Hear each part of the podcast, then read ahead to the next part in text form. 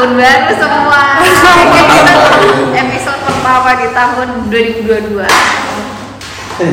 Jadi kita di sini ada Beli Dewo and. Gimana Ya, sih bilangnya? Anpau aja. Anpau. Beli Anpau dan Kadek Didin. Ya, saya Kita ada lagi di Purga Cafe di Ubud. Ada pameran apa judulnya Lost in Space ya? Ya, Lost in Space. pas Lost hilang. Ya, tersesat. Tersesat ya. Ya. Tersesat dalam ruangan. kalau nggak tersesat gini lanjutkan. Ya. Kenapa bisa muncul ini itu tuh Lost in Space? Gimana sih awalnya? Boleh diceritain dong? Siapa yang jawab? Dewa dong. Ya, saya ya begini ya, ya, iya langsung aja dudukuin. Ini kan pamerannya sebenarnya kalau bisa bilang mendadak ya mendadak, karena kita eh, ditawarkan pameran dan kita juga lagi jadwal dan langsung oke, kurang lebih jaraknya se tiga mingguan. Habis itu kita oke. Nah, eh, habis itu ngobrol-ngobrol sama Didin karena eh, karya kita kebanyakan dan berdua memang ngomongin tentang bidang dan ruang makanya oh mumpung bidang dan ruang ya kita lihat film di Netflix itu yang lagi naik itu kan Lost in Space. Ada juga Space Jam. Nah mana pilih? Space Jam apa Lost in Space? Ya lebih keren kayaknya Lost in Space saja. Space Jam nggak usah gitu. Makanya pamerannya Lost in Space saja. Itu terilhami dari judul film di Netflix. Terinspirasi dari Lost in. Space ya. Space. ya karena kita ngomongin ruang judul yang oke ya Lost in Space saja gitu Jadi kalau menurut Bli ruang yang dimaksud di Lost and Space ini apa? ruang? Ya dari konteks karya kita memang ngobrol ruang. Kayak saya dulu kan ngobrol ruang itu berupa bidang lukisan itu kan panjang kali lebar kan bidangnya itu. Habis itu ada cutting saya ngomongin tentang ruang itu lukisan itu tidak hanya panjang dan lebar ternyata ada kedalaman dan timbul. Habis itu bergerak lagi ke gini ngom- eh, tentang ruang imajiner ruang tak ter- terbatas. Padahal kotak gitu tapi tak terbatas ruangannya. Ya saya terilhami dari PNG di Photoshop itu yang kotak-kotak itu loh. Itu kan simbol atau wujud dari blank space atau empty space. Iya. ruang kosong tapi tak terbatas. Tak tapi bentuknya berupa bidang panjang lebar kotak-kotak itu aja tapi tak terbatas gitu aja ya di ruangan ini kita berdua ngomongin ruang biar lost in space biar orang itu tersesat di ruangan. Biasanya kan eh, gini wall text itu berupa teks kuratorial itu menuntun kita untuk menikmati sebuah pameran secara utuh kan? Dan di sini wall textnya kita memang pakai bahasa yang tidak banyak orang mengerti jadinya tidak ada yang menuntun kan? Bukannya tidak ada tapi orang tidak mengerti gitu loh makanya di dalam tersesat tidak ada yang menuntun jadinya. Apa maksudnya ini? Apa maksudnya? Gitu. Hanya ada caption dalam eh, lu- karya itu aja yang sedikit menuntun. Tapi itu jadinya perkarya tidak secara utuh dalam gini pameran gitu. Oh, Ya. sengaja ya kita bikin. iya. Kita tadi pertama. tapi itu tulisannya nggak ngasal. Bahasanya Korea tapi isi dalam gini itu pakai bahasa itu nggak ngasal nggak sekedar indah-indahan bahasa Korea nggak ada kok itu. Cuman bahas, jadi cuma untuk ya orang itu Korea doang. lisannya itu. Biar nggak terlalu tersesat iya itu kan nambahin. Iya. Serius. iya kan nambahin itu. Bukan masalahnya pujian lisannya itu harus bahas eh, aksara Bali nggak itu perkara bahas tulis aksara aja tapi itu pujian lisannya maksudnya biar memang kita tersesat dalam ruangan tapi di balik itu kan ada doa. Biar nggak tersesat-sesat banget nanti bisa keluarnya gitu loh maksudnya. Filosofisnya begitu. Berarti cuma untuk orang yang bisa bahasa Korea aja dong. Eh, nggak nggak makanya kan lost in space nggak harus bisa kan gitu kan. Pasti gini bisa bisa keluar. Ya nikmati aja per karya per caption gitu aja. Toh juga ini secara pameran dibilang serius nggak serius secara karya serius. Secara kita mengemas eh, pameran itu serius. Cuma yang yang kita hilangin itu kan kuratorial dan penulisannya aja. Begitu. Kalau Mungkin Didin bisa- Didin gimana? ya. Kalau aku sih emang kebetulan sama kayak video yang sama-sama ngomongin ruang tuh kan lagi skripsi ngomongin gini membedah volume. Ya jadi mungkin unsur ruangannya dari sana sih. Karena ngomongin masalah patung. Aku di patung kan eh, juga ada prinsip gininya apa? Di patung kayak subtraktif ada ada aditif sub, subtraktif aditif pengurangan bahan penambahan bahan. Mungkin dari karya ini aku nampilin ruang negatif sama positifnya aja sih jadi kayak dari tekukan-tekukan tuh juga menghadirkan ruang-ruang positif dan negatif kayak gitu. ya dari lembaran plat aku ngasih volume.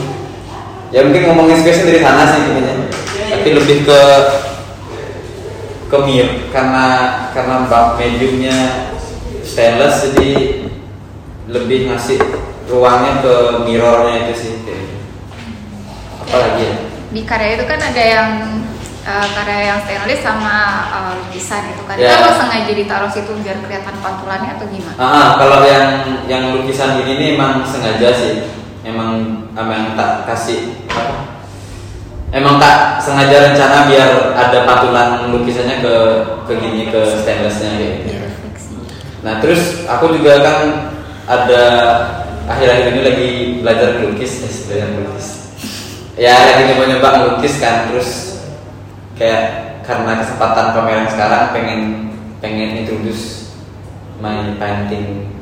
Ya jadi aku bawa tiga seri karya eh, yang karya Faber, stainless sama lukis.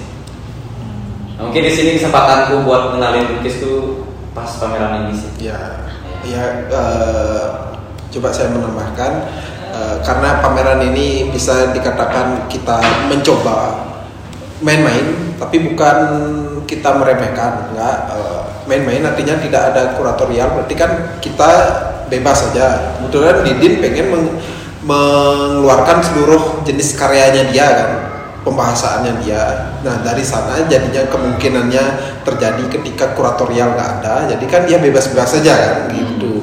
Jadinya ya sangat eksperimen di sini jadinya begitu. Saya juga memamerkan eh, karya-karya yang terbaru juga bisa dikatakan. Nah selain itu menambahkan kayak tadi mirror yang di karyanya Didin yang mengambil warna dari karya-karya yang lain kayak abstrak karena di sebuah pameran itu memang karya itu personal satu-satu karya itu kan satu-satu tapi ketika men- sudah menjadi sebuah pameran semua itu harus serangkaian itu semuanya biar ketika display saling menguatkan tidak ada saling menjatuhkan dan menjadi satu kesatuan utuh gitu.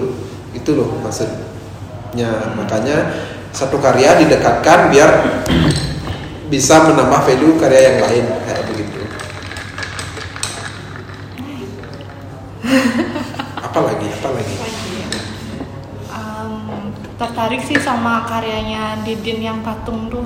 Nah, Kenapa ada yang ditekan-tekan tuh? Maksudnya gimana? itu karyaku tahun 2018 kayaknya. 18 atau 19 ya itu karya awal-awal aku menuju karir kesenirupan ya itu karya awal-awal soalnya. Jadi kalau dulu sih ada karena terinspirasi dari Jeff Koons ada ada terinspirasi juga dari konsep-konsepnya dia berkarya perihal balon dognya itu sih. Jadi dia ngomongin nafas itu. Mungkin waktu pas bikin karya pas bikin seri karya balon mungkin ada sedikit sedikit eh, tantangan dan dan keasikan mungkin ya. Jadi hadir karya-karya kayak gitu hanya sekedar buat eh, kayak cuman pengen pengen aja gitu. Nggak ada nggak ada nggak ada landasan teori yang kuat juga buat buat buat karya yang seri itu. Jadi kayak apa ya cuma bener-bener ngasih ngasih eh, apa ya kayak ngasih feel feel ke ke audiens melihat karya itu sih. Kayak kayak gitu sih lebih gininya kalau ngomongin gininya belum belum nyampe sih. Ya lebih ke eksperimen lah. Ya lebih ke eksperimen kayak gitu. Tapi ternyata bagus ya. Bagus. Sih ya bagus. Ya berhasil banyak yang bisa, apa banyak orang bisa menerima ya itu sih. Ya itu itu sih ya. Kalau Kan. yang dari beli info pernah bikin penasaran tuh ada bentuk bumi tapi kotak. Ya Bumi datarnya kenapa ya? oh itu bukan bumi dekat Oh. bumi kota Bumi Ini. kota. Ya, sebenarnya kan kembali itu ruang ruang tak terbatas kayak kayak Photoshop sebenarnya di Photoshop tuh ada kanvasnya itu kan Mm, kanvas habis itu ada kotak-kotak berarti ruang tak terbatas apa pun boleh masuk di sana kayak di kolase nah ketika tak terbatas ruang itu berarti yang yang penting kan volume. Kembali ngomongin misalnya ngomongin bumi kota itu yang penting kan volume. Vo- volume itu yang penting kan ada tiga unsur itu panjang lebar sama tinggi ketebalan kan. Jadi yang penting unsur ketebalan dan volumenya eh, masuk walaupun itu kotak kan nggak apa-apa kan.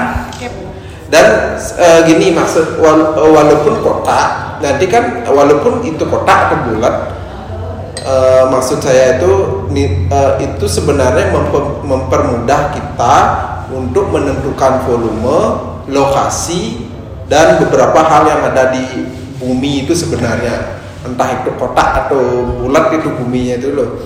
Eh, contoh di bumi bulat kan tetap aja ada garis-garis membantu untuk menentukan lokasi semuanya. Padahal itu garis imajiner. Kayak ekuator kali katu listiwa tuh nggak ada di bumi itu garis itu membelah bumi jadi dua. Nggak itu garis imajiner.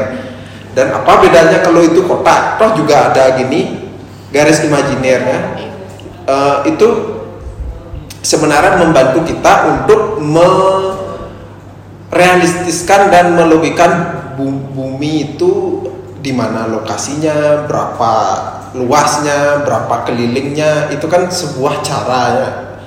Secara umum orang memakai bumi bulat untuk membantu kita untuk menentukan lokasi dan menerjemahkan bumi itu kan tidak ada sa- salahnya juga memakai bumi kotak kan. Toh juga misalnya volume, volume bu- bumi bulat itu e, berapa? Kalau dibikin kotak kan bisa aja dibuat volumenya gitu. Yang penting kan ada ketebalan panjang lebar. Toh juga kotak dan bulat itu cuma dirumus saja berbeda. Misal volume bulat kan 3 per 4 pi r kuadrat gitu misalkan kali tinggi gitu. Ka- kalau kotak kan tinggal rusuk kali tiga aja kayak gitu misalkan. Kan sama kan yang penting ada keteba- ketebalan. Ya intinya sebenarnya bagaimana sebuah volume entah itu di- eh, bentuknya kotak atau bulat itu tuh dipakai untuk membantu kita me- mengerti bumi itu gitu sebenarnya. Memang maksudnya gitu. itu mas teori memang Iya, kan, makanya kembali ke konsep ruang tak terbatas itu. Ya. Ketika ruang tak terbatas kotak-kotak PNG itu apa aja bisa masuk walaupun nggak gini kayak di ka- ke- kayak di Photoshop itu apa aja boleh kamu masukin tulisan, coretan, kolase dari mana apa kan nggak masalah kan? Itu loh maksudnya. jadi tidak Entah itu nggak nyambung, entah itu salah. Yang yang penting kan bisa masuk ke wujudnya ya gitu aja sih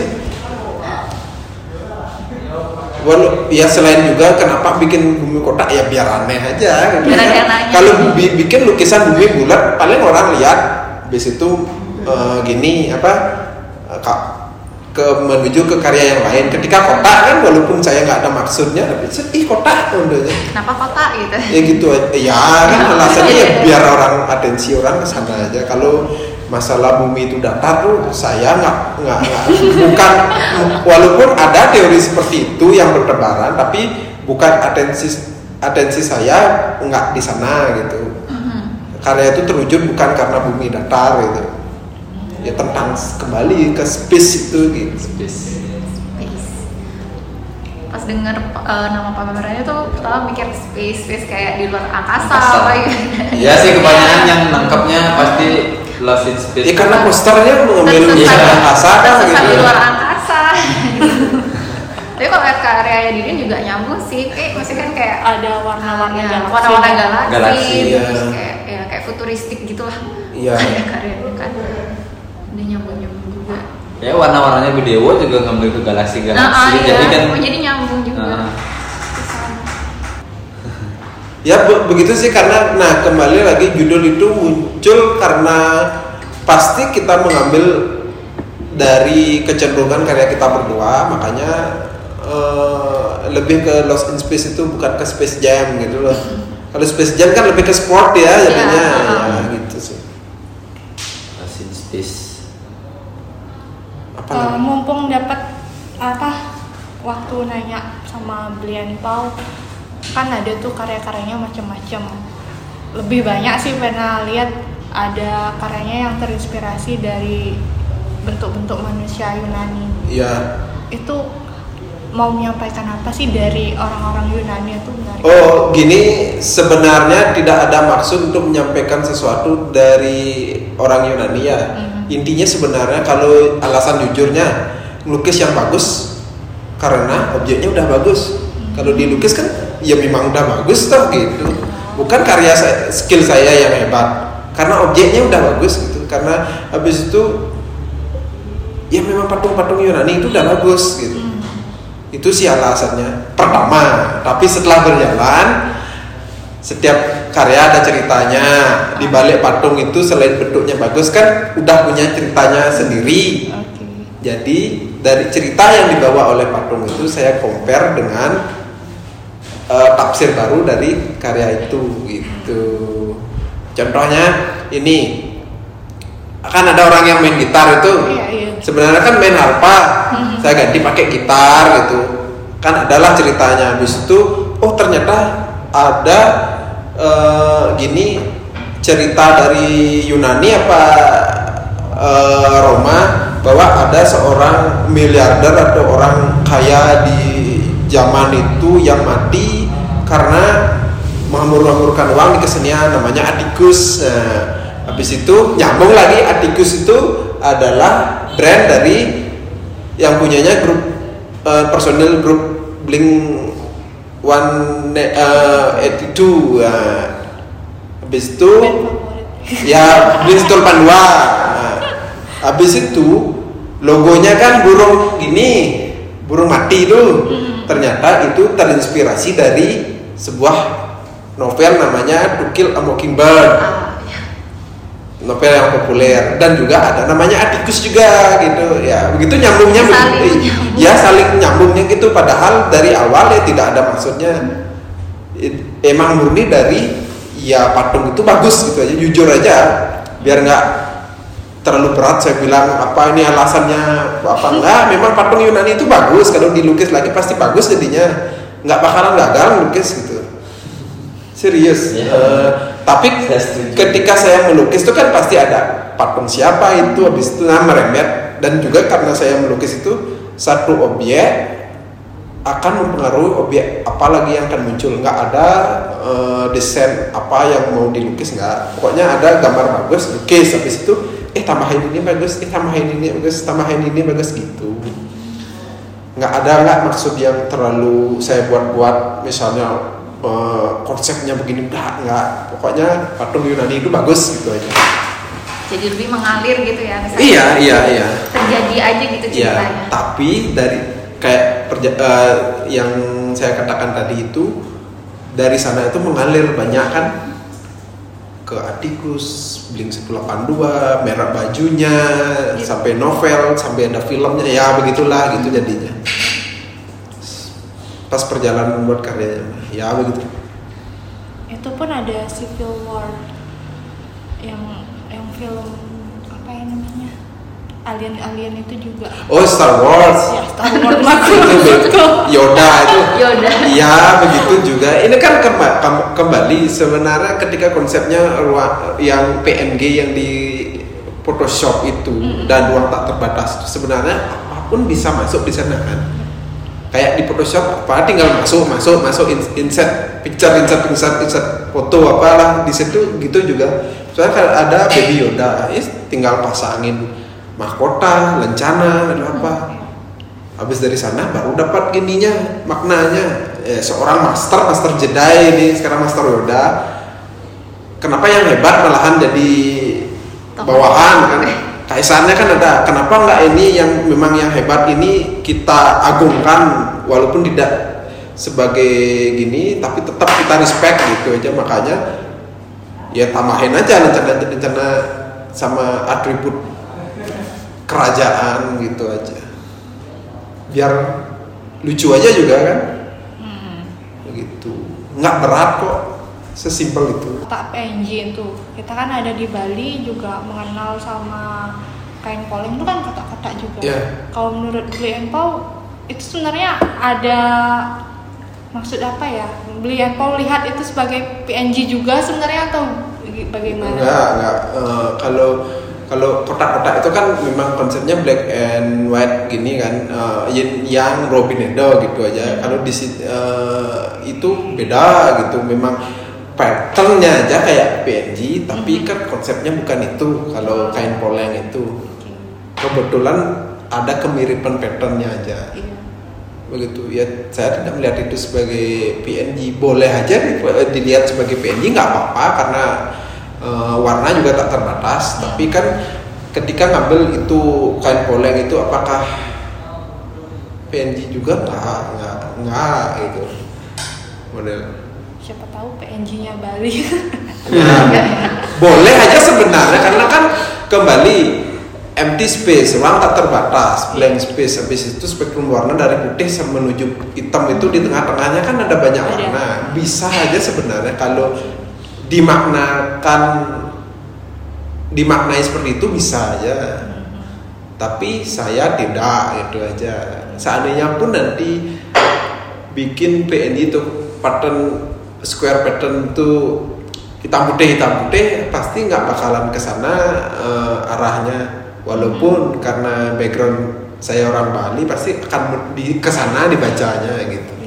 Poleng sebagai konsep Ruobinade dan kain Bali ya itu aja gitu. Apa ya? Oh itu. Aturan oh ya. Itu tak sengaja sebenarnya. Ketika bikin plester itu kan agak lama.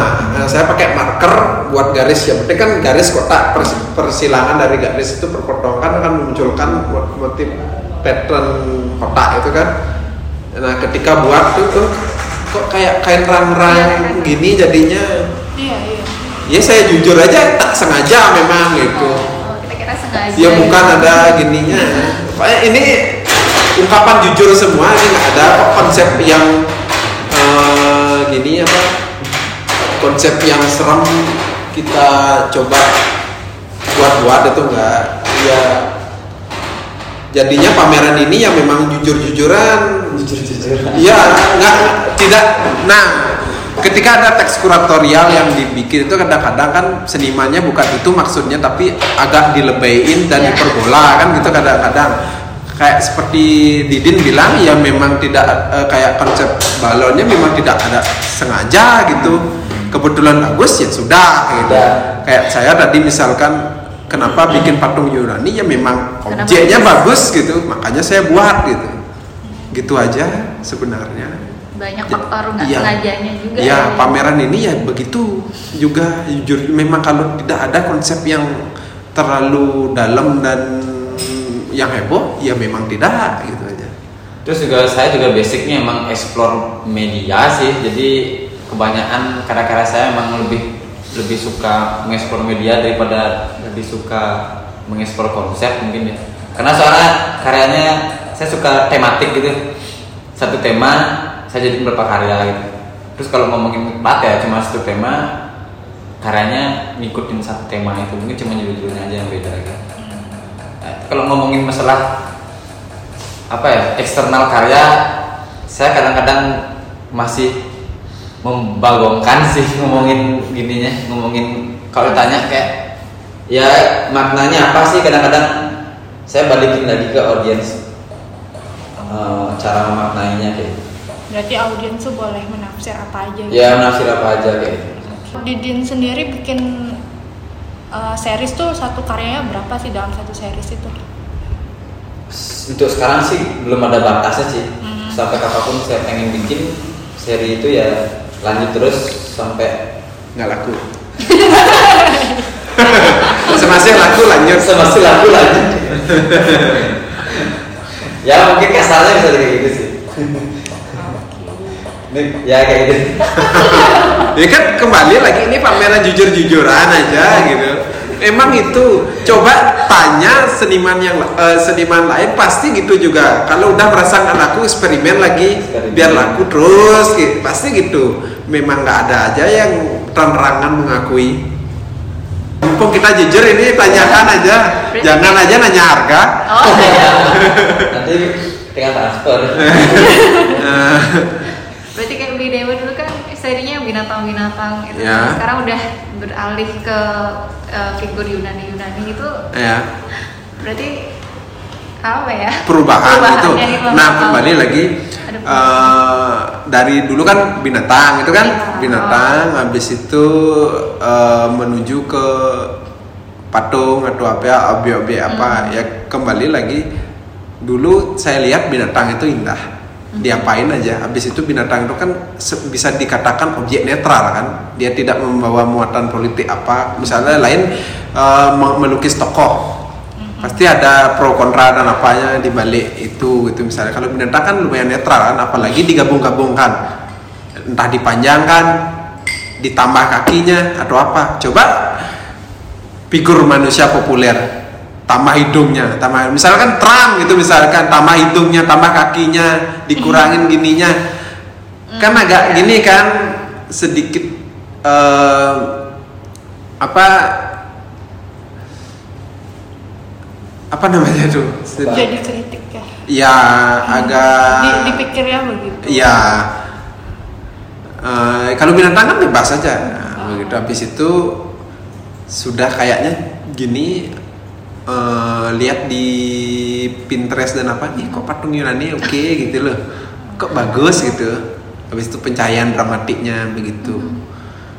Itu sih awal. Nah, selain juga kembali ngomongin ruang itu dulu kan panjang lebar ngerespon habis itu ditekuk gitu Ya, kan eh, biar ya ya biar kalau ini kanvasnya kotak bagaimana biar ini terlihat kotak ya sisinya saya direspon dengan cara ditekuk gitu kan kalau nggak ditekuk kan nggak bisa kita memaknai bahwa ini kotak gitu loh. Misal ada kanvas kotak lukis saja gini apa eh, sembarang. Apa bedanya ngelukis kotak sama lingkaran? Kan sama aja kan? Tidak mempengaruhi objek yang muncul kan? Gitu. Nah ketika ada menekuk gitu mengikuti sisi lukisan jadinya kan ketika melukis dengan kanvas kotak atau persegi panjang itu jadi ketika dia objek mengikuti itu kan ada maknanya ini kotak atau persegi panjangnya apalagi lingkaran. Mengikuti lingkaran jadinya kan bentuk kanvas itu bermakna jadinya. Ada fungsinya tidak tidak mem, eh, gini jadinya tidak ngasar melukisnya gitu, gitu loh. Itu kan kembali lagi kita ngomongin panjang lebar yang awal itu. Habis itu kan ke cutting itu ada dalam loh. Ketika lukisan itu ada tebal berarti kan punya kedalaman. Iya. ada yang luas ada ke sini sekarang ngomongin tentang blank space itu tetap ujungnya kotak kotak kotak tapi ada ruang tak terbatas. Ke sananya itu ruang imajiner kan tak terbatas sebenarnya. Jadi apa aja boleh di gini makanya ketika patung Yunani itu ya bebas saja ditaruh sana. Coba masih ngomongin eh, kanvas panjang lebar. Patung Yunani dibengkokkan itu kan memang akan terlihat unik tapi susah gitu loh. Lukisnya susah jadinya ya makna eh, konsep seremnya begitulah yang kayak tak tak bilang tadi itu ini. Jadinya ya kayak ba- ba- bagaimana logika Photoshop? Di atas kanvas kerja itu ya bebas saja masukin apa gitu. apalagi Procreate yang ada sekarang di iPad itu. Ya lebih bebas lagi naruhnya apa. Entah ada coretan ada ada spray atau apa begitu. Tadi mikir aneh banget judulnya kalau itu kan ada lukisan siput raja siput dan ratu siput. Iya, terus pakai mapa. judulnya Miss, Miss Mrs. dan Sudah. sudah nah sudar itu apa? Sudar Miss dan itu- gitu biasanya. Kan kalau ya itu saudara itu bukan wayang saudara no ya? Ya nah itu kan sebenarnya yang lagi satu mahkota ratu Inggris. Pasti Miss kan Mrs yang satu eh, mahkota Kekaisaran Rusia. Saya lihat kata Mrs atau Mister dalam Rusia itu apa? Tak lihat eh, gini apa contoh-contohnya ada apalah ada Oleg atau apalah gitu. Ternyata ada eh, kata tuan dalam bahasa Rusia kuno itu ada sudar gitu. Oh, itu dari bahasa Rusia. Iya, sudar. Eh kok ada kok yang lebih keren lagi Oleg atau apalah gitu. Tapi sudar ini kok lucu gitu loh. Ada bali-baliannya Iya. dikit gitu loh. Iya, iya. Makanya pakai itu, Mrs. bahasa Bali apa gitu. Ya, Mrs. N Sudar gitu. Ya biar unik kan mahkota. Ini ada eh, hewan bercangkang kan kayak cangkangnya bisa diubah nih loh gitu. Pakai apa penggantinya biar unik ya pakai mahkota itu. Mahkota menyimpulkan sebuah kerajaan atau komunitas kan bisa dikatakan komunitas rumah gitu loh. Rumah siput gitu. Eh, sebelumnya itu maunya saling berhadapan dan ada lintasannya itu berbentuk lob itu kan biasa orang berhadapan dia pasti cinta ya. makanya orang pisah tapi cinta kan ada sebuah pertanyaan jadinya pertanyaannya silakan tafsirkan jadinya dari latar belakang dua buah kera- eh, kekaisaran kerajaan ini apa sejarahnya ya silakan cari sendiri kenapa ada lob dan ini ini tuh kalau dijelaskan kan manja jadinya nggak ngajar gitu loh bisa aja sih me- bisa aja sih me- me- gini apa menjelaskan ke audiens itu tapi kan ketika mereka ngulik sendiri maksudnya atau apa itu kan sana kenikmatannya gitu loh begitu Jadi kasih clue-nya ya ini apa kekaisaran ini sama Iya. Rusia sama Inggris gitu. Silakan cari sendiri. gitu. Iya, pokoknya gini loh saya tampilkan. Nah, begitu. Kenapa pakai ini ya? Ketika cakang siput diganti dengan itu kan jadi hal yang menarik gitu loh. Gitu aja. sebenarnya gitu sih tapi gimana ya caranya merancang pertanyaan untuk di, di, di lukisannya tuh jadi soft sedangkan di karya patungnya dia tuh banyak banget tanda apa ya garis yang hilang-hilang lekuk-lekukan sedangkan kalau udah di lukisan benar-benar jadi soft flat gitu. Ah, gimana sih perasaan pas ngelukis jadi jadi beda beda beda beda orang. Di sini soft nampilin sesuatu yang soft. Terus pas di patung sendiri wow. Ya nah sebenarnya itu yang saya cari sih. Apa ya pengendalian naluri kayak gitu sih yang saya sedang yang sedang saya dalami.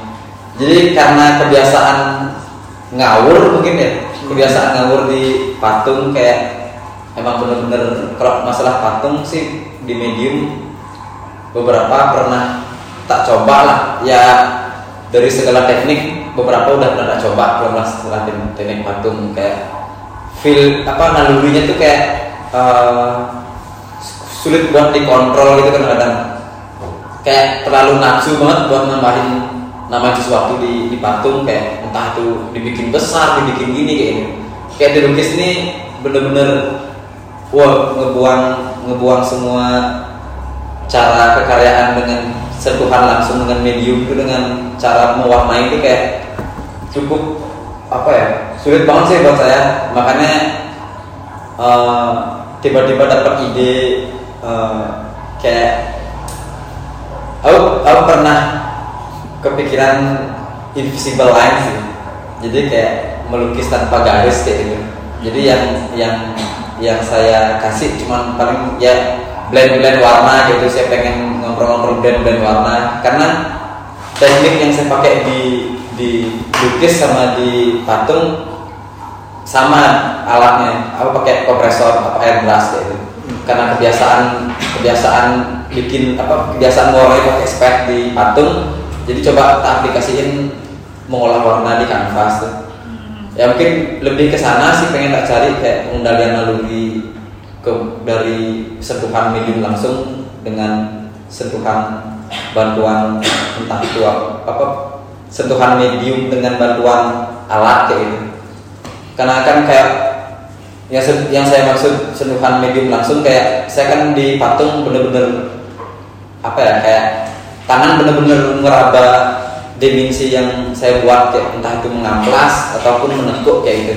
Kalau di kalau di kanvas kan saya bener-bener mengendalikan cuman perasaan perasaan subjektif banget kayak gitu. Hmm. ya mungkin di situ sih yang sedang saya eksplorasi di di kekaryaan gitu. Nah, kalau boleh nanya, apakah ada pengaruh dari kehidupan dari yang struk tegas itu menjadi lembut sekarang? apakah ada pengalaman hidup yang mempengaruhi itu mungkin sehingga Didin menjadi lembut sekarang? Walaupun saya tahu jawabannya, saya pengen tahu dari mulut anda gitu. Boleh tuh beli. Aku juga penasaran. Kayak gitu mungkin Bimpo paling paling peka sih kadang-kadang karena saya pun nggak peka kadang-kadang apa yang saya rasain Iya. Orang di luar itu lebih gini kok lebih ngeh ada Lebih perubahan. Kadang-kadang orang itu nggak tahu apa yang terjadi terhadap dirinya. Gitu. juga. ya ya ya saya rasain itu sih Ah. Enggak ngerasa aja ceritain dong. ya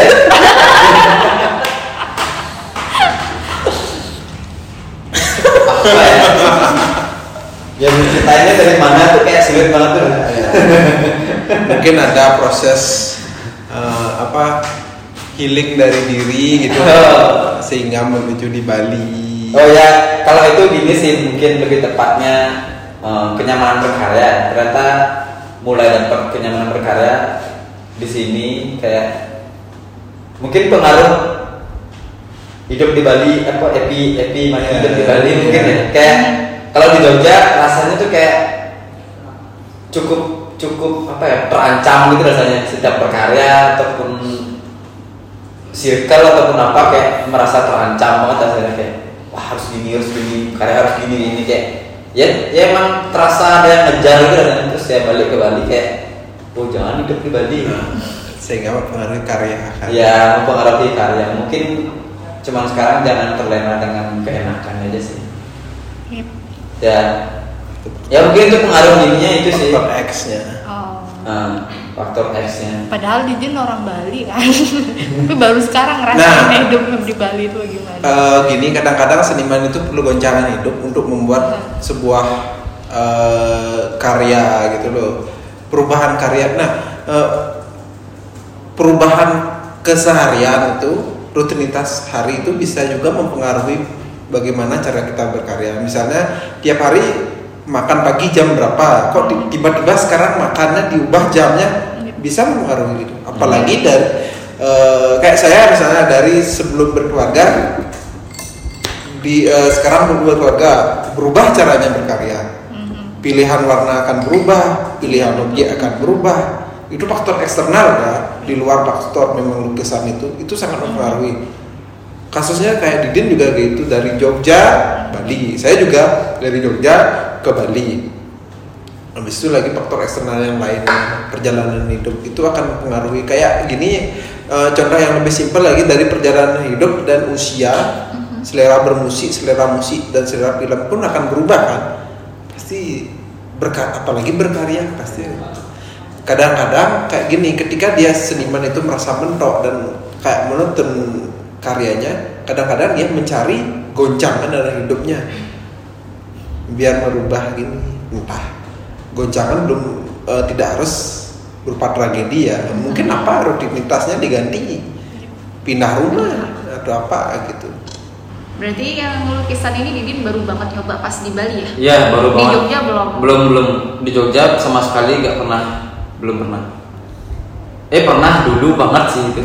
Lukis pernah Ya, tapi bukan lukis. ini ini kan Ya, teknik. bukan dengan teknik seperti ini. Lukis pernah. Ya, ini baru-baru banget sih. Awal sih belum pede sih kayak apa ya? Ya bukan belum pede sih, maksudnya kayak berani nggak ya ngelukis kadang eh, karena ya kan biasa eh, seniman ditanya kayak kamu tuh eh, berkaryanya apa sih? Melukis pematung atau pelukis kayak gitu?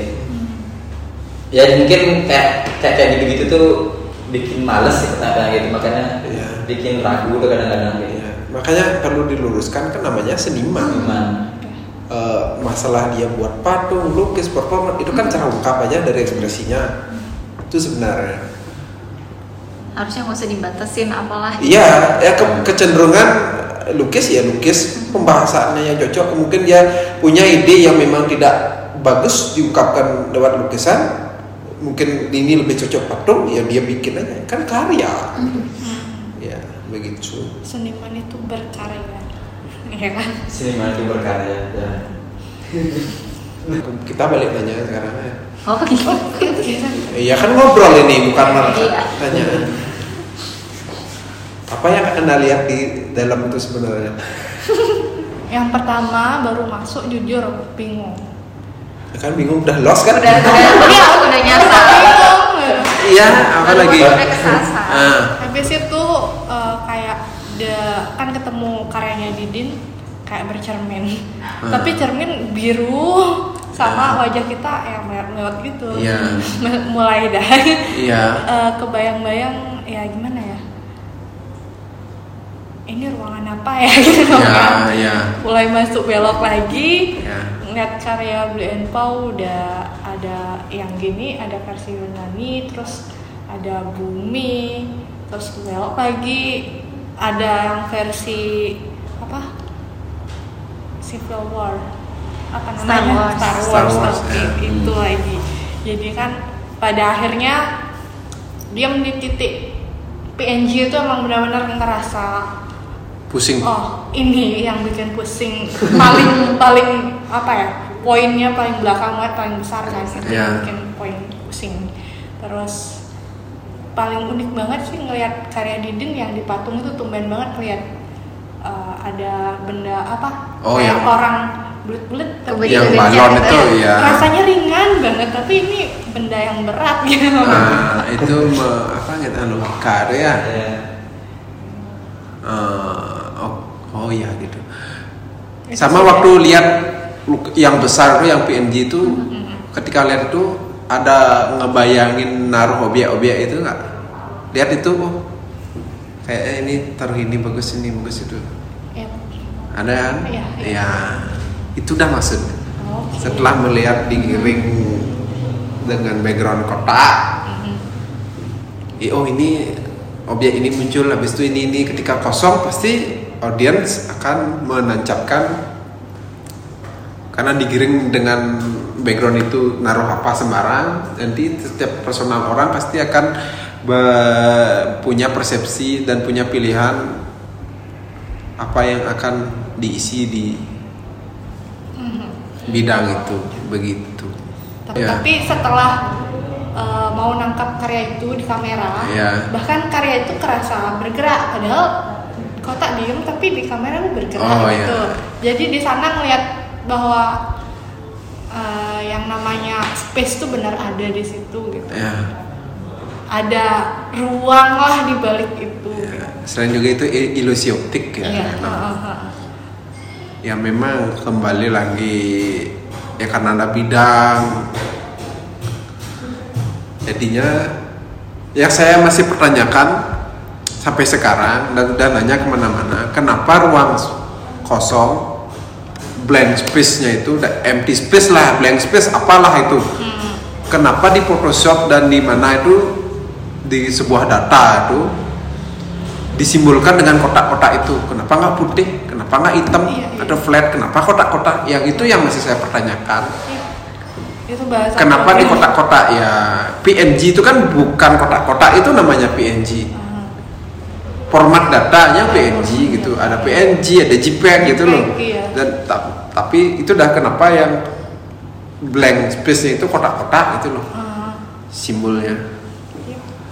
Yang masih saya tanyakan dan cari kenapa nggak silang? Silang-silang kenapa nggak garis-garis gitu loh. Kenapa kotak-kotak gitu. Dan putih abu putih abu gitu. Yang begitu nah selain kayak tadi di gini di eh, di pameran ini itu kayak tadi Didin bilang ada kebebasan kita menampilkan karya apa? Karena kuratorial dan penulisannya nggak eh, nggak ada. Walaupun idealnya sebuah pameran memang harus ada kuratorial dan penulisan. Tapi kita mencoba untuk menghilangkan itu biar kita sebebas-bebasnya mengeluarkan karya. Secara format pameran memang tidak ideal tapi karya yang kita munculkan kan memang karya yang terbaik kan nggak setengah-setengah gitu. Itu karya terbaik. Ya kan? Ya ini salah satu karya terbaik saya. ya pamerannya em, memang tidak seideal pameran gini tapi bukan karyanya juga nggak ideal nggak bukan karyanya bukan nggak karya yang asal gitu Didin sih pada akhirnya mengeluarkan segala ya. banyak bentuknya. kalau pak nah kembali lagi saya jawab kalau pamerannya berupa ideal dan ada kuratorial kemungkinan kalau eh, kurator atau penulisnya minta satu jenis karya aja tidak mungkin memunculkan semuanya. Gitu.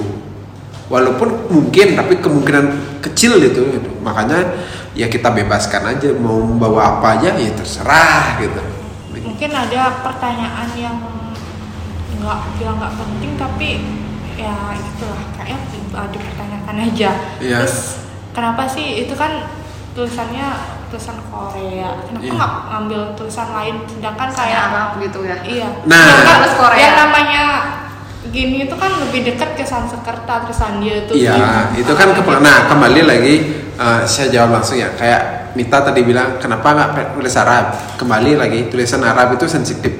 oh ya Oke. Walaupun bukan maksud kita itu, tapi itu udah ter gini cenderung ke salah satu agama. Walaupun kita bikin halo selamat datang gitu, tapi maksudnya pasti akan beda gitu.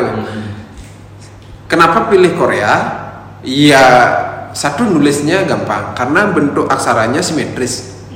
Nulisnya bakalan gampang, pasti akan bagus. Kalau cari aksara yang lain itu misalnya yang kayak Jepang gitu kan mirip-mirip gitu dan yang lebih populer sekarang apa? oh Iya, Drakor. itu juga kan. ada pertimbangan kayak Paling juga ya orang iya, itu juga pertimbangan. Ngasal tapi tidak ngasal loh pertimbangannya. Coba set lihat eh Jepang gitu. Sekarang eh Korea gitu langsung. Orang pasti bakalan ngulik gitu loh. Dan kenapa tidak di print ditempel kenapa tulis tangan itu juga ada pertimbangan kalau print tempel foto scan ke mana orang udah bisa nyari apa itu maksudnya gitu loh kalau tulis tangan kan nggak sempurna kan tulisannya kalau ketika foto dan scan ke Google Lens atau apa tuh nggak bakalan kebaca Nah, apa itu. itu maksudnya. Sebenarnya kemarin tuh Vena udah nyampe sana bingung. Ah udahlah nggak usah gitu scan aja. Nggak bisa kan? Iya Oh, makanya di situ mulai itu. iya makanya. gimana sih gitu? Iya. Kalau penjahat di di apa di ditanyain atau di dikulik dengan cara eh, orang baik-baik kan nggak bisa. Harus berpikir dengan cara penjahat juga gitu loh. Biar kalau nggak saya yang ngasih tahu nggak mungkin tahu apa maksudnya itu gitu loh. Makanya itu sudah ya. dipertimbangkan itu itu pertimbangannya banyak ya Iya asal comot gitu ya. Enggak lah, makanya Ada banyak- kelihatannya pamerannya ini asal-asalan, enggak. Judulnya kelihatan memang background judulnya kenapa pakai Lost in Space ya tadi bilang Space Jam atau Netflix, tapi bukan juga enggak juga enggak enggak enggak ngasal juga. Kebetulan inspirasinya memang dari budaya-budaya populer itu. Kembali lagi perkara bahasa dan tulisan itu kan cara cara ngomongnya aja maknanya kan satu sebenarnya. Kayak misalkan nulis nah di di tulisan jalan ada aksara Bali aksara eh, Latin aksara apa? Maksudnya kan udah benar bisa jalan Bisma maksudnya memang jalan Bisma cara nulisnya ada bahasa Indonesia ada bahasa Bali kan gitu kan? Maksudnya kan udah sama kayak ini. Doa udah maksudnya satu doa. Bahasa Korea sama tulisan Korea itu kan cara gitu aja. Biar kembali narik, narik perhatian kembali gini. Pokoknya semuanya sudah diperhitungkan itu. Nggak ngasal pertimbangan penuh dari beli iya kalau kalau memang pengen gampang kan tinggal print A1 Ya. tempel gitu kan. Tapi nanti kita kan jo gitu loh. Begitu. Dan itu nggak langsung ya. Bahasa Sanskerta langsung ke transit ke Korea itu nggak bisa sama sekali nggak bisa. Gimana proses translate transit ke Indonesia dulu. Oh. Habis itu baru transit ke Korea. Karena karena cara pembahasannya itu beda gitu loh. Kayak misalkan nulis apa di bahasa Inggrisnya lah, sketcher. Sketcher kan itu tulisnya kan gimana? S K. K. Nah kalau langsung ke aksara Bali gimana? Gimana cara nulisnya susah kan?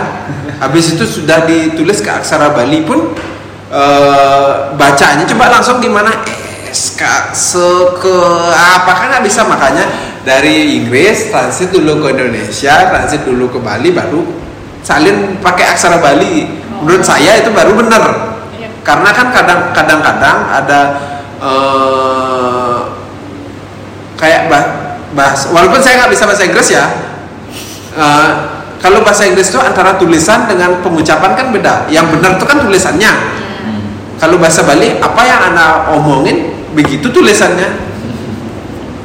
Makanya diganti-ganti ganti-ganti dulu baru nggak nggak langsung. Eh, misalnya seandainya ombur bahasa langsung ke translate Korea nggak bisa itu nggak bisa ditranslate. Kayak apa itu? Saya temukan kata sang yang widi gitu Iya, misalnya iya. Ditranslate pakai Google Translate nggak bisa nggak mau berubah dia jadi aksara Korea. Makanya saya rubah itu dulu baru bisa gitu. Nggak sekedar Google Translate thread itu bisa. Nggak ada beberapa poin-poin eh, yang nggak bisa di gini. Kayak Wisnu Sangkara yang gitu tuh. Jadi bahasa Korea apa? Kan nggak ada. Gitu. Itu loh simple ya padahal. Tapi buat sebenarnya pameran ini. Bagian rumitnya biar nggak los los banget lah gitu. Eh, biar saham aja yang los. Penunjuk jalannya nih. Maksudnya kayak kita ngobrol nih jadi kayak ada penunjuk jalannya sama orang ngomong iya iya iya. Apa lagi apa lagi kita pengen banyak ditanyain kok ya. Apalagi pertanyaan yang aneh-aneh gitu loh. Apa yang dilihat di aneh dalam ruangan itu gitu? Dalam sebuah pameran itu.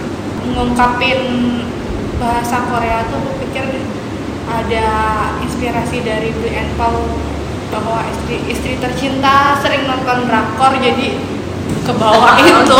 Saya ini lebih drakor daripada dia. Gitu ya. iya? Lebih tercinta gitu Aslinya gitu. Tahu nggak ada drama Korea yang syuting di Bali? Judulnya Memory in Bali. oh nggak tahu Nggak tahu kan? Iya. Itu drama Korea waktu saya SD itu. oh eh, jadi sejak dini ya Memory in Bali, syutingnya di Uluwatu. Eh, iya kan? Oh, kan Gustra aja tahu. mau Didin juga ini pecinta drakor Enggak. Ya, tapi pernah nonton juga. Tapi Oh. bukan yang Nah, pemilihan aksara Korea itu murni karena itu lagi populer gitu aja. Kalau pakai bahasa eh, bahasa yang lain ya mungkin ih bahasa gini dah gitu loh. Eh, iya biar ada gininya aja. Pameran ini main-main tapi ya bukan main-main yang asal gitu loh. Main-main. Biasanya kan ka- pameran main-main karya pun sekedar aja. Enggak ini karya ini memang sudah selesai dan solid memang layak pamer gitu aja. Kadang-kadang kan ada coretan apa lah gitu. Enggak, enggak, enggak. pameran serius cuman dikemasnya dengan yang Iya seperti main-main ya. Serius. Apa lagi?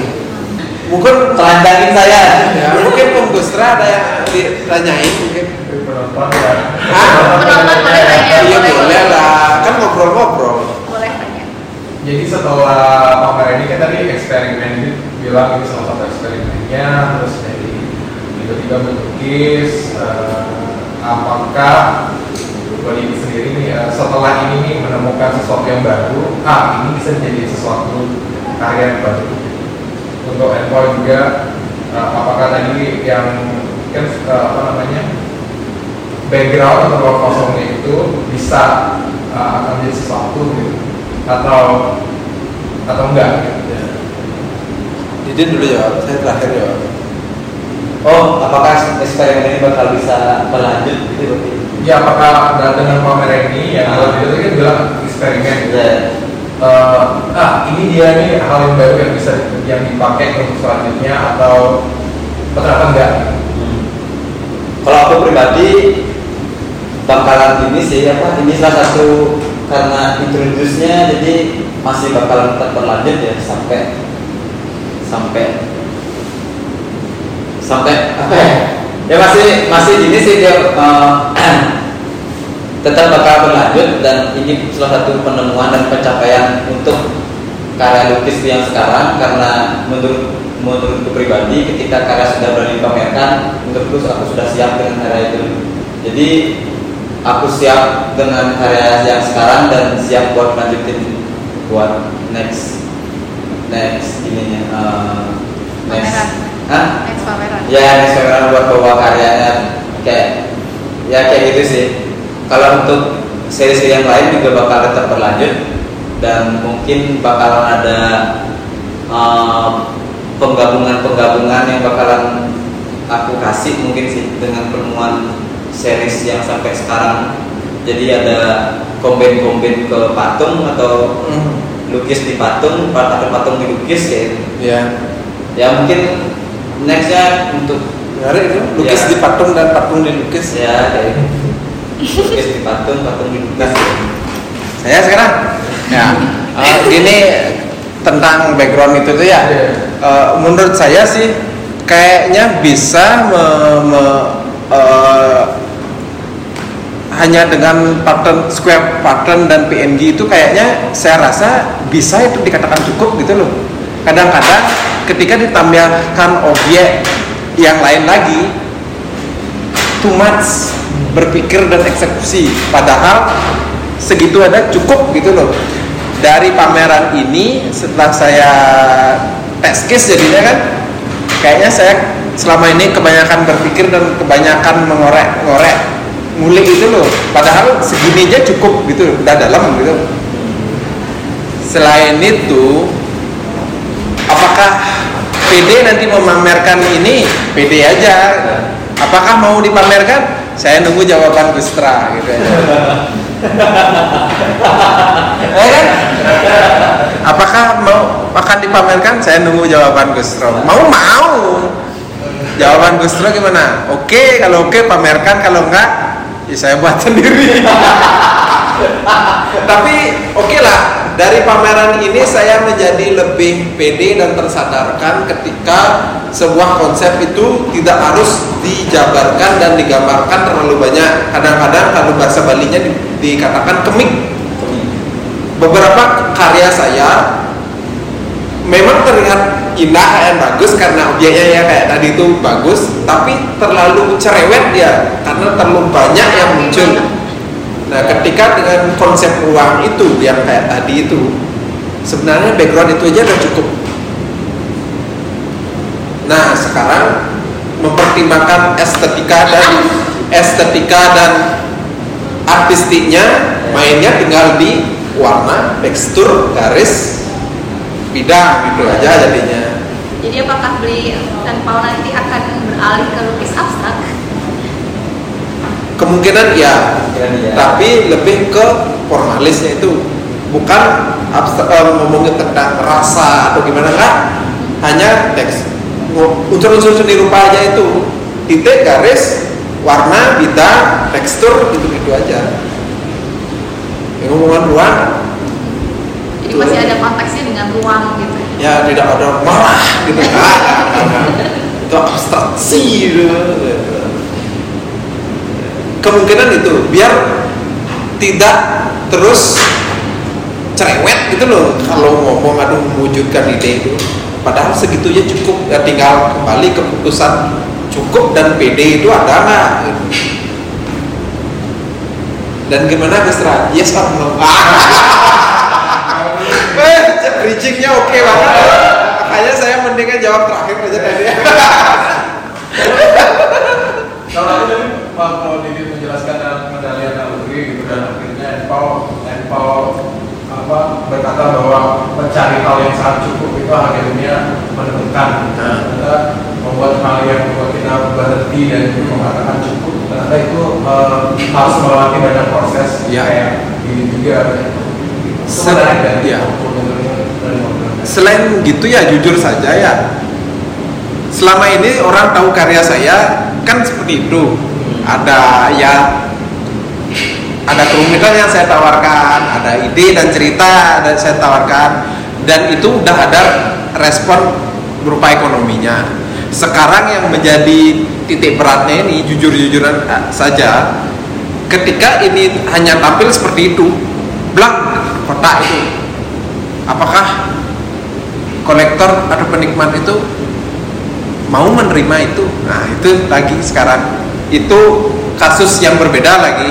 Udah ke ranah art in bisnisnya gitu loh. Kalau di ide kan udah lah tadi. Tapi di bisnis dan di marketnya apakah sudah siap yang membeli dan yang menikmati? Apakah sudah mau, menerima? Kan gitu lagi lain lagi gitu kasusnya kalau ngomongin ide ya bagus sekali itu perjalanannya gitu. harus iya makanya yes boleh lagi nggak? Apa? Eh, ini eh, mengenai tadi kan ngomongin tentang bisnis yang berbahan bisnis. Jadi penasaran bagaimana soal seniman menentukan harga eh, seninya. Apakah itu dari proses yang Iya. ataukah apa itu dari eh, material yang digunakan, Iya. atau ada pengaruh lainnya? Nah, saya tidak bisa menjawab, menjawab secara pasti ya, tapi ada beberapa kasus begini. Contoh-contoh aja ya, mungkin nanti bisa menafsirkan sendiri. Ada seniman menentukan harga lukisannya per senti loh. Biasanya itu kasusnya ke ada beberapa seniman lah. Per senti misalnya 20.000 ribu. Sekarang hitung aja karyanya berapa gedenya, panjang kali lebarnya. Nah, begitu.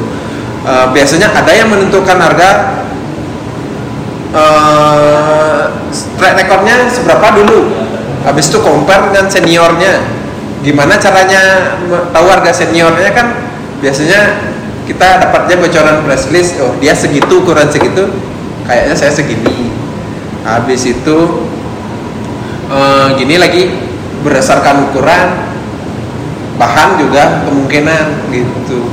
Tapi awal mulanya sih kalau seniman yang emerging rata-rata di bawah 10 Tapi berarti ide nggak termasuk dalam penentuan harga? Konsep suka tidak suka kalau di Indonesia ukuran. Suka tidak suka ya. Walaupun idealnya ide yang dihargai tapi realitanya di Indonesia ukuran dan kerumitan. Karena logika orang timur dan Indonesia semakin rumit dan semakin tidak bisa saya membuat itu semakin saya mau menghargai itu. Kayaknya kad- kadang-kadang ada gini kolektor dan pembeli itu yang belum teredukasi ya biasanya. Oh segitu aja saya bisa bikin. Ya kan sering dengar gitu kan? Eh, oh ini gini gini gini harga rumit sekali bikinnya susah sekali gitu banyak detail gitu kayaknya pantas deh harganya segini ya. walaupun idealnya tidak seperti itu tapi kenyataan realitanya di Indonesia seperti itu gitu. Kalau di kan eh, berbeda tuh karyanya tuh Hmm. sama yang kalau kalau di Aku awal awal kalau ngomongin masalah bisnisnya awalnya emang kelayakan sih yang tak ini Hmm. Kelayakan yang tak ukur dari diriku sendiri. Jadi meras karena kalau ngomongin patung juga ngomongin masalah material sama cara kerja jadi kayak itu masih kadang kadang kayak merasa cocok nggak ya cara kerja lu sama harga karya lu masih di sana sih kayak karena eh, ngomongin material juga lumayan bisa eh, ya bis 30% dari 30% dari harga itu sudah termasuk Material. ongkos produksi kayak gitu. itu kalau karya 3D Ya. beda kasusnya sama lukis Ah, belum lagi kerjaannya apalagi patung bisa dihitung secara harian jadi kayak belum lagi kerjaannya belum lagi idenya kadang aku merasa kalau udah layak segini oh berarti udah cukup kayaknya awalnya kayak gitu sih awalnya merasa kelayakan kemudian jalan jalan jalan terus juga ada track recordnya yang saya ukur jadi Hmm. saya udah nyampe sini karya saya sudah sampai sini mungkin jadi jadi apa ya tolak ukur kenapa bisa sampai situ sih Nah, entah bahan lagi kelayakan itu juga penting juga kadang eh, udah layakkah harga saya segini? Dan selain itu kalau udah layak, pede nggak dengan harga segitu? Itu lagi. Ukur kelayakannya gimana tuh? Nah itu dah. Sering aja pameran tahu dah ya kamu itu levelnya berada di mana gitu loh jadinya. Jadi membandingkan dengan Ya, ya, yang pasti ya tips saja ini ya. Cari seniman mana yang bisa lebih senior yang mirip-mirip karyanya dari kamu. Tahu harganya. Tahu dah menentukan harga kita seberapa. Kan nggak mungkin sama dengan dia kan. Nah itu cara gampang kan. tapi kadang aku juga sih ya ngeliat karya aku kayak wah ini bagus banget kayak Segini, ya segini gitu ya jadinya. ini kayak Enggak eh sebenarnya menentukan harga itu karya itu seberapa itu nggak bebas saja. Tinggal kalian pede-pedean aja gitu. Tinggal hanya orang lain yang akan menentukan itu layak enggak se- harga segini gitu aja. Sebenarnya kalau ada yang mau dan suka walaupun harganya tinggi orang mau bayar ya nggak apa-apa Ya. gitu loh. kayak tahu diri gitu kan Ya tahu diri itu penting. tahu diri gitu kan tahu posisi tapi lebih banyak track record sih cara cara gitu Hmm, ya. record pasti wah orangnya udah sampai sini sini sini sama mungkin berapa lama berkarir mungkin dia Ya. Karena ada juga kasus karya itu bisa tambah mahal dan ada karya itu bisa langsung tiba-tiba murah. Ada juga kasus itu lagi. Itu di market yang lebih gini lagi kompleks banget itu. Yang ditanyakan Gus Dur kan bagaimana mengawali harga itu muncul kan ya, gitu. Ya yang paling gini track record itu juga. Apa lagi? Role model, role model. Role model. Nah, masing-masing. Romo dan Bob. role model kayak siapa sih yang diidolain gitu Oh, Nah, dalam berkarya ya saya ya, Ya. walaupun saya ka- karya saya berupa ya bisa dikatakan eh, realis lah gitu, tapi saya suka semua seniman abstrak. Nggak tahu kenapa begitu nggak tahu saya. Ya terutama Rod, Rod, eh, Mark Rothko, Ben Mondrian, eh, Jackson Pollock, pokoknya semua seniman abstrak saya suka. Gitu. Hmm. ya itulah gininya gininya ya paling Rothko Mondrian Kandinsky dan semuanya gitu. seniman realis enggak gitu nggak terlalu karyanya gitu ya. Hah? Malah bukan sama dengan karyanya. iya bukan bukan jangan. bukan Mungkin situ. dari situ karena eh kalau bilang karena sih buat buat dan ya karena memang senang aja lah gitu jadi kan kalau aku di patung aku suka Anis Kapur. oh ya Anis Kapur. Kalau kenapa juga nggak tahu. suka karyanya aja Ah. Ya suka suka cara dia ngambil apa ya nemu ide itu aneh sih menurutku sih. Aku malah lihat Didi tuh kayak siapa namanya kalau aku ya Yasong tuh. Oh lapor ya. Iya. Karena aku suka kan. Ya dia juga salah satu juga sih favorit juga. Sama kalau di patung kalau dia karya plat nih aku suka gini sih ada namanya John Chamberlain. Dia seniman Jerman yang mempopulerkan abstrak ekspresionis ketika orang-orang melukis di kanvas dia membuat patung dengan benda-benda bekas gitu. oh iya Ya, dia membuat patung dari apa bekas tabrakan mobil, tapi dia tidak meng- mengkaitkan karena saya bukan tentang kecelakaan gitu. oh iya Nah, ya itu dah kalau dilukis aku suka Mark Rothko. Mark Rothko sama ada lupa namanya lagi satu.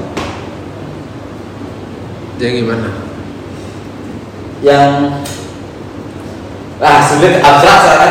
Sulit. oh abstrak juga Nah, Iya. abstrak, abstrak. Indonesia apa ya? Indonesia putus kali gaya lah. iya Apa buat artis? karena sering diajak ngopi ya sih. ada eh, ada juga nih yang pengen tak bahas. apa apa itu Sejauh mana sih seniman bisa bertanggung jawab?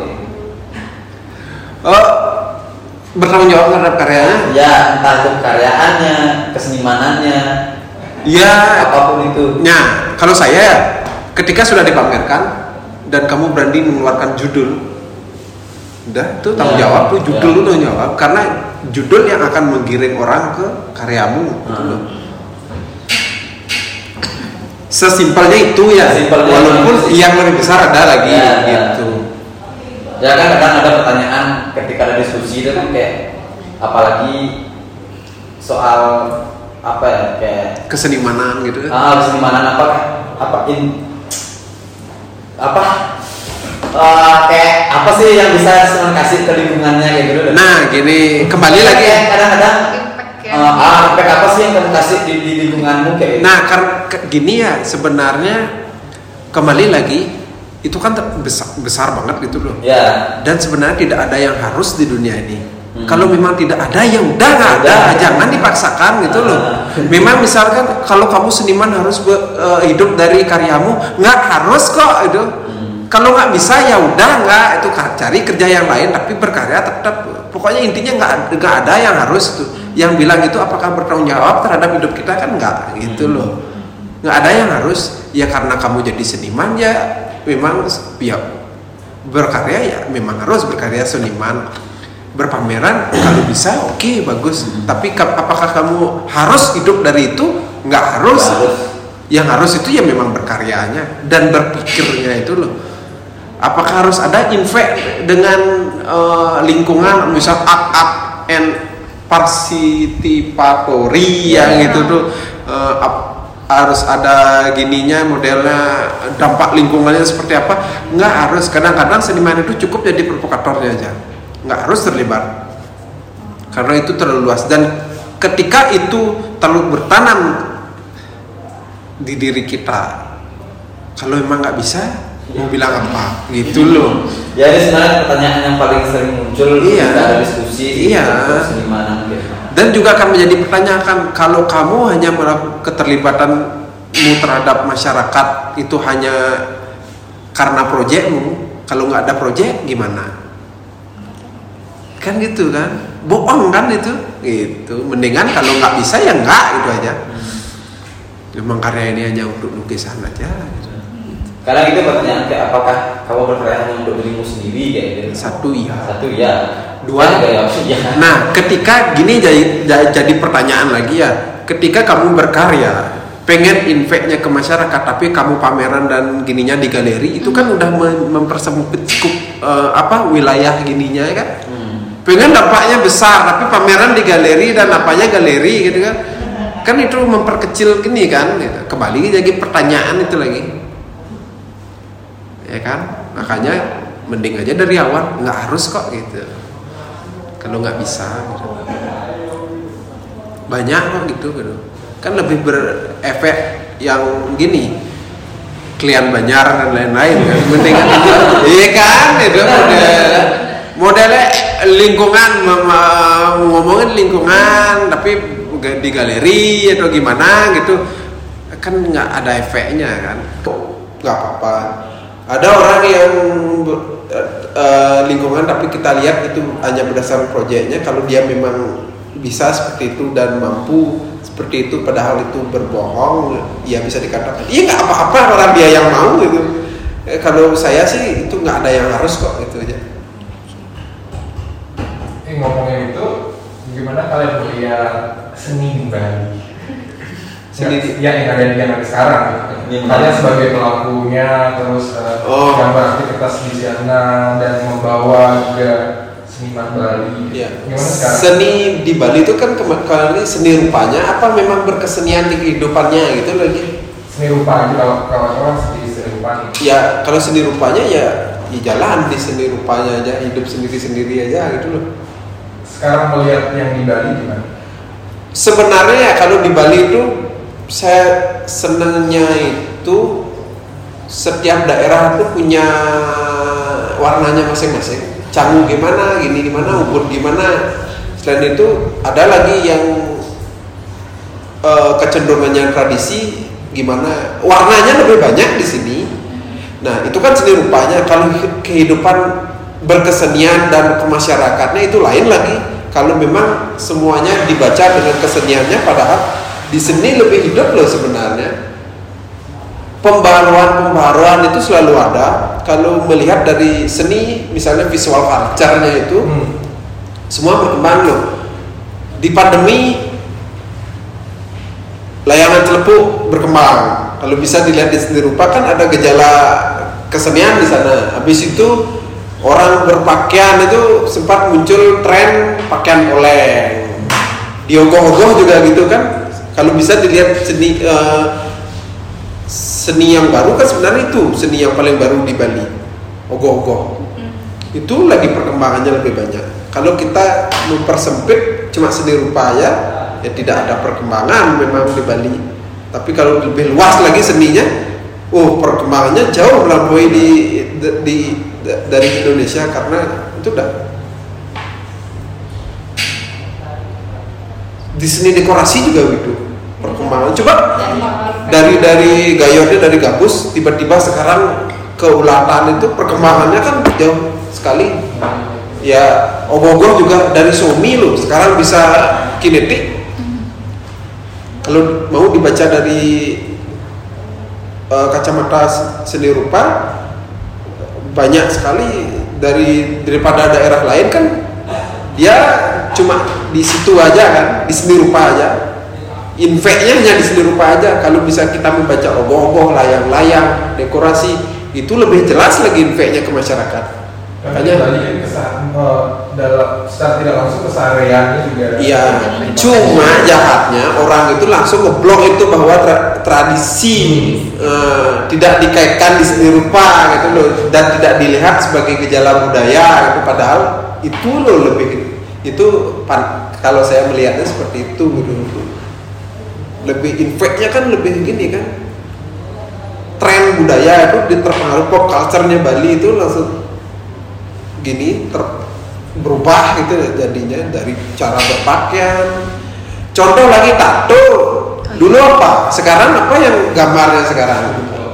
Kan eh, dulu nah tribal tribal yang itu itu sekarang tiba-tiba muncul eh, adanya gejala eh, ikon-ikon Bali itu muncul kan Sekarang apalagi pandai, pandai bisa ngasih ngasih uang buat yang mau tato pandai. Eh. ya begitulah kan? Itu bisa muncul dari satu bisa dilihat bisa dari ogoh-ogoh sampai ke tato sampai baju sampai jen- jeneng ogoh-ogoh sampai foto oh, semua loh itu gitu sampai dekorasi. Bukan hanya satu seni rupa aja. Menyeluruh sampai motor pun ada gininya jadinya sebenarnya kan itu uniknya di Bali. Nggak hanya di misalnya di daerah lain ya cek mata kuda seni rupa aja gitu. Dan berkembang nggak ada impact ke pengaruh ke lingkungan. Di sini kan menyeluruh gitu loh. Sampai cara berpakaian kita terpengaruhi semuanya gitu. Kalau dibaca lebih luasnya kalau ya jahatnya ya itu langsung tradisi gitu. Langsung meski kita ngomong apa langsung ragam Berarti keseniannya gimana nih keseniannya? Iya kalau sama-sama mau membaca dan mewacanakan itu bagus sekali. Tapi kan kita kalahnya ya langsung dijas itu loh. Coba lihat tuh dari motor, tato, dekorasi, ogoh-ogoh, itu barengan tuh trennya tren, ben satu warna ben. Ada tokoh yang mengembangkan itu soalnya. Banyak. Pokoknya. Bukan satu orang dua orang Tapi kalau apa Bali itu sering aku dengar itu benar apa enggak nggak tahu juga ya. Tapi menurut kalian apakah eh, hubungan senioritas dengan eh, seniman-seniman muda itu berhubungan baik? Atau apakah mereka membuka atau karena anak mudanya nggak nggak mau? Saat sebenarnya baik-baik aja kenapa tidak ada gini? Ya karena tidak ada yang kenal gitu aja. Makanya cuma kenal pasti mau main ke senior. Senior pun begitu. Kalau kenal pasti ngorto aja yang muda. Karena karena nggak pernah eh, tidak saling kenal. Nah, jadi kan permasalahannya siapa yang mengenalkan gitu aja sekarang. Hmm. coba kenal itu kan. Minimal di pameran pasti ngobrol mereka berdua. Iya. apa yang baru? Dulu gimana? Pasti gitu pertanyaannya gitu Ya mungkin karena generasinya yang cukup jawab juga sih Iya, kan nggak salah juga kan Ya. memang hubungannya baik-baik tapi secara secara ke apa ya ke keseniannya mungkin terbilang jauh berbeda sih kayak gitu. iya jenis kesenian sekarang itu gimana ya gitu kayak gitu. ya itu ininya sih itu udah karena tak ada yang harus itu makanya makanya tinggal ya kalau ada yang bisa menjadi penghubung itu itu oke sekali sebenarnya. Tapi sekarang kayak ada sih yang kemarin aku pernah bahas sama ada teman gitu. Kayak ngomongin kok kesannya anak muda sekarang tuh sok nyeniman? Ah lalu? Ya apa tandanya sok nyenimannya itu Hah? apa tandanya kenapa dibilang sok nyeniman Sok nyeniman tuh maksudnya kayak j- sekarang seni bisa pameran lah lebih tepatnya kayak berkarya gitu bisa dilihat sebagai tren juga gitu Ah. ya bisa dilihat di Jogja kan kebanyakan eh, Arjo apalagi dijadiin eh, kayak tempat swafoto kayak gitu loh. ya jadi kan tren tren buat anak muda banget tuh datang ke galeri buat foto-foto terus ada juga kalau nyenimannya kayak seolah-olah seni itu jadi jadi gaya Ah. gaya bergaul kayak gitu. Jadi Ah. kayak standar standar sosial yang bisa dijadiin eh, apa ya kayak aku loh seniman kayak gitu loh ya aku sebagai anak muda juga harus merespon itu bagaimana bagaimana juga itu karena aku juga anak muda dan nanti bisa jangan-jangan dibilang nyeniman kayak gitu. Karena seniman kan? Ya kan? Ya ya benar benar Ya karena kemba- kembali lagi memang arah kene dan memang ke, eh, kembali ke- di mana pergaulannya dia gitu. Ya. Kalau pergaulannya dia dekat dengan itu pasti akan terpengaruh dan juga banyak sekarang budaya populer dan gini itu mendekat ke seniman hmm. kolaborasi, gitu. Kolaborasi. Ya yang paling aku lihat dah kayak tadi ngomongin Korea. Coba lihat nonton drama Korea ya. Pasti setiap drama Korea itu ada scene nonton pameran kalau enggak eh, ada membahas satu terpajang di apa itu ada sebuah karya. Hmm. Itu kan salah satu pengenalan Ya. dengan me- eh, kerjasama dengan sebuah budaya populer. Kalau orang muda saya yuk nonton pameran jedek gitu apa nih raga aja kan nah, apa yang dia suka itu udah dikirim barang-barang gitu lah sehingga menjadi suka gitu gitu loh kayak contohnya Ubud Bretters gitu. Ya Ubud Bretters kan ngajak seniman gitu loh. Dari bidang lain itu jadinya yang pertama suka tulis menulis dan baca membaca aja tipe-tipe oh ada art exhibition lukisan atau apa? Oh ada mural ikut sekarang. Nah kembali ikut perkenalan perkenalan itu. Nah sekarang kan bisa dilihat banget nih perkembangan seni anak muda di Ah, Bali ah, kelihatan banget kan Ah. apalagi budaya pop artnya kayak gitu Ah. anak-anak urban Ah. ya bukan urban sih kita memang orang-orang desa Nah, nah, ada yang urban di Bali. orang desa sebenarnya. dan tidak ada tidak ada kota di Bali ya Ya, Bali. ya seberapa metropolitannya dan pasar dan kota di Bali itu semuanya adanya desa petraman ya itu kan kayak kita bisa melihat ada skena lah di Bali Iya, iya. skena Canggu, skena Denpasar, skena Ubud, Iya. skena ya gitulah pokoknya bisa dilihat keseniannya sama orang-orang yang datang ke pameran kayak Iya. gitu. Ya saya pribadi sih ngeliat kayak cukup apa ya cukup menarik sih buat di, di dibahas ketika ketika pop culture ini masuk ke Bali terus menjadi populer di anak muda seolah-olah ini sebagai gaya terus karena saya pernah mengikuti pameran pameran itu hanya sebagai pelengkap loh ya nggak salah juga. Karena Nggak gini salah. ya karena gini ya. Eh, ketika kesenian kan ada di sana crowd. Ya. Crowd itu identik dengan nanti akan produk. Yang membuat produk ini kan ada produsen. Produsen melihat anak muda ini kan sebuah angka kan. Hmm. ini potensi bayar gimana caranya nanti gini apa e, menarik perhatiannya itu? Hmm. Pasti dengan iklan gitu Ya, nanti ya. masuknya gimana? Ya. pokoknya banyak yang dapat crowd. Pokoknya gi- gini ya itu tidak akan e, lepas dari jual beli Hmm. konsumen kayak konsumtif kayak gitu. Maka ekosistem. ya sering banget gitu. Sekarang gimana? Contoh masa pandemi gimana caranya mendapatkan crowd yang tidak berisik tidak kampungan sedikit mengeluarkan biaya kayak hotel gitu misalkan Eh, biar pengunjung banyak ada potensi yang beli itu buat aja pameran gitu loh. Berapa sih ngeluarin uang gitu? Yang datang juga pasti orang nggak bakalan ribut gitu loh. Itu Ya, itu- salah. Suka tidak suka orang memperlakukan kesenian tapi kenyataannya begitu gitu loh. Ya salah satu menarik di Bali keseniannya adalah party sih sebenarnya. ya Salah satu identik kesenian di Bali adalah party, bukan Iya. pamerannya. ya di luar itu kecenderungan orang Bali gitu Ya. selesai acara apa arti Arti, ya. nggak hanya di seni rupa kayak Kalau nggak- modalan gitu dari memang itu sudah Ya kan, kita. Ya kan saya sebagai pendatang baru nih. kalau KTP-mu Bali pendatang baru ya kan ngelihat kesenian di Jogja sama di sini kan ya oh di sini ternyata gayanya emang gaya pop culture banget ya. Wah pameran pameran tuh harus ada partinya harus ada DJ nya. Gigs lah gigs. Ya gigs kan lagu kan biasa gigs banyak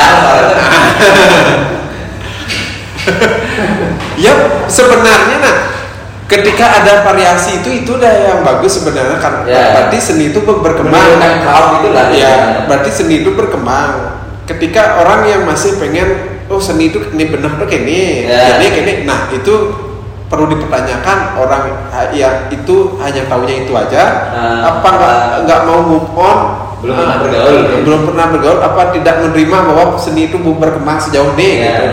Kayak gitu kan makanya nggak ada yang harus kok nggak harus pameran itu seperti ini. Hmm. kalau orang yang mau beda silakan nggak apa-apa. Pasti akan memunculkan perdebatan di sana. Tapi kan nggak apa-apa.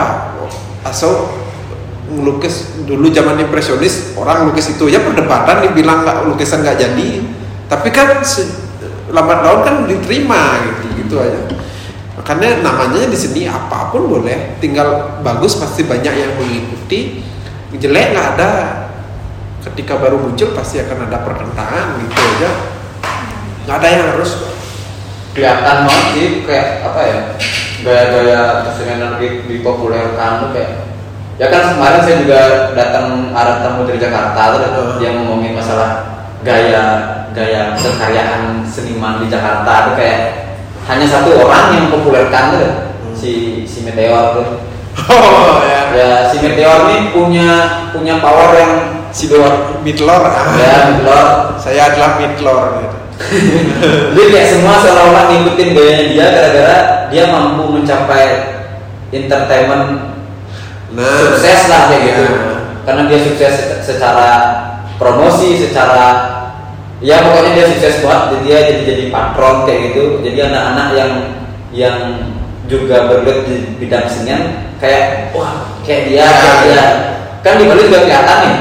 efek ekonominya sama finansialnya tuh nyata Iya, gitu. nyata kayak gitu. Dan dan kerasa juga di Bali kayak kelihatan wah sekarang lagi pop art nih yang yang manis-manis kayak gitu gitu loh. Yang yang dudal-dudal kayak gitu gitu loh. Yang menurut saya kayak ternyata eh, apa ya satu satu satu gini kayak satu orang ataupun satu lingkaran tuh bisa mempengaruhi cukup eh, luar biasa di, di lingkungan kesenian itu sendiri sih kayak gitu. iya iya benar Karena saya merasa berkarya dengan cara yang berbeda, jadi nggak punya teman dulu saya itu. Iya, eh, iya memang nggak punya teman dan mungkin lingkungan sekitarnya aja belum tahu gitu Iya, aja. gitu. Dia tahunya seninya seperti itu, padahal Ya. banyak kok gitu. Banyak. Bulan lakat aja bisa seni itu kok udah. Ya siapa tahu kan Didin jadi trendsetter kan oh, karena orang belum tahu aja. Ya, Iya. Belum tahu aja, pokoknya itu sebenarnya perkaranya itu belum tahu, belum kenal gitu aja. Jadi kayak wah lagi kalau yang keren kayak gini nih yang keren kayak gitu. Oh kayak gini semua. Iya, sama lagi satu, mungkin seleranya dia cuma sampai di sana ya. Nanti setelah dia bergaul banyak, dia pasti bakalan nggak suka lagi itu. Ada lagi yang lain, Iya. pasti gitu. Mm-mm. Slow aja.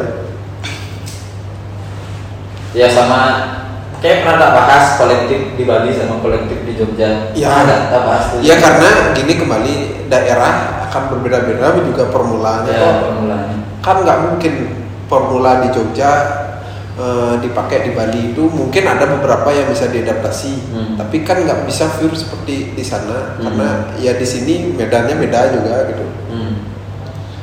ada adaptasi adaptasinya lah ya adaptasi adaptasi ya itu dah baru melek melek itu oh begini ini ini pokoknya banyak lagi ba- ba- ada lagi orang yang bilang oh ini nggak berkembang.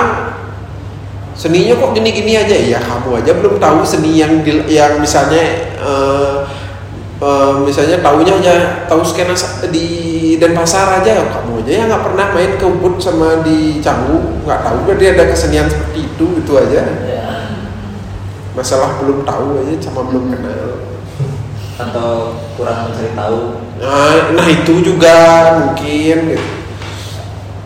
Padahal dengan perbedaan ini kan asik gitu kalau memang tahu semuanya. udah satu setengah udah udah panjang banget Wah banyak sekali. Padahal belum panas nih. Kalau belum panas Iya. ya. ya panas Baru sedang cair-cair. ya ya, ya. Jam jam dua jam aja sekarang. yang masih penasaran sama kayak Oh, dia- buat buat dikit ya. Eh, apa? Aku seneng yang sekarang gitu, tapi eh, nggak tahu mungkin kalau bisa jangan kelukisan gitu. jangan ini Jangan kelukisan. pelukisan oh ya eh, banyak banget yang bilang gitu tuh maksudnya kayak kamu nggak nggak cocok Iya, iya. Suatu apa itu makanya nggak cocok gitu, tapi ya ya. sekarang masih menikmati apa yang yang sekarang. gitu. Nah. Pengen aja lihat lah selain ini lagi gitu. ya ya, ya.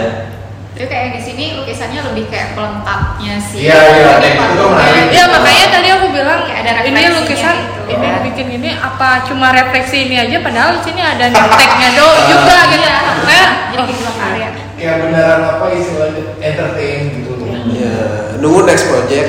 Yes. Eh, Next project siap lah Gimana ya?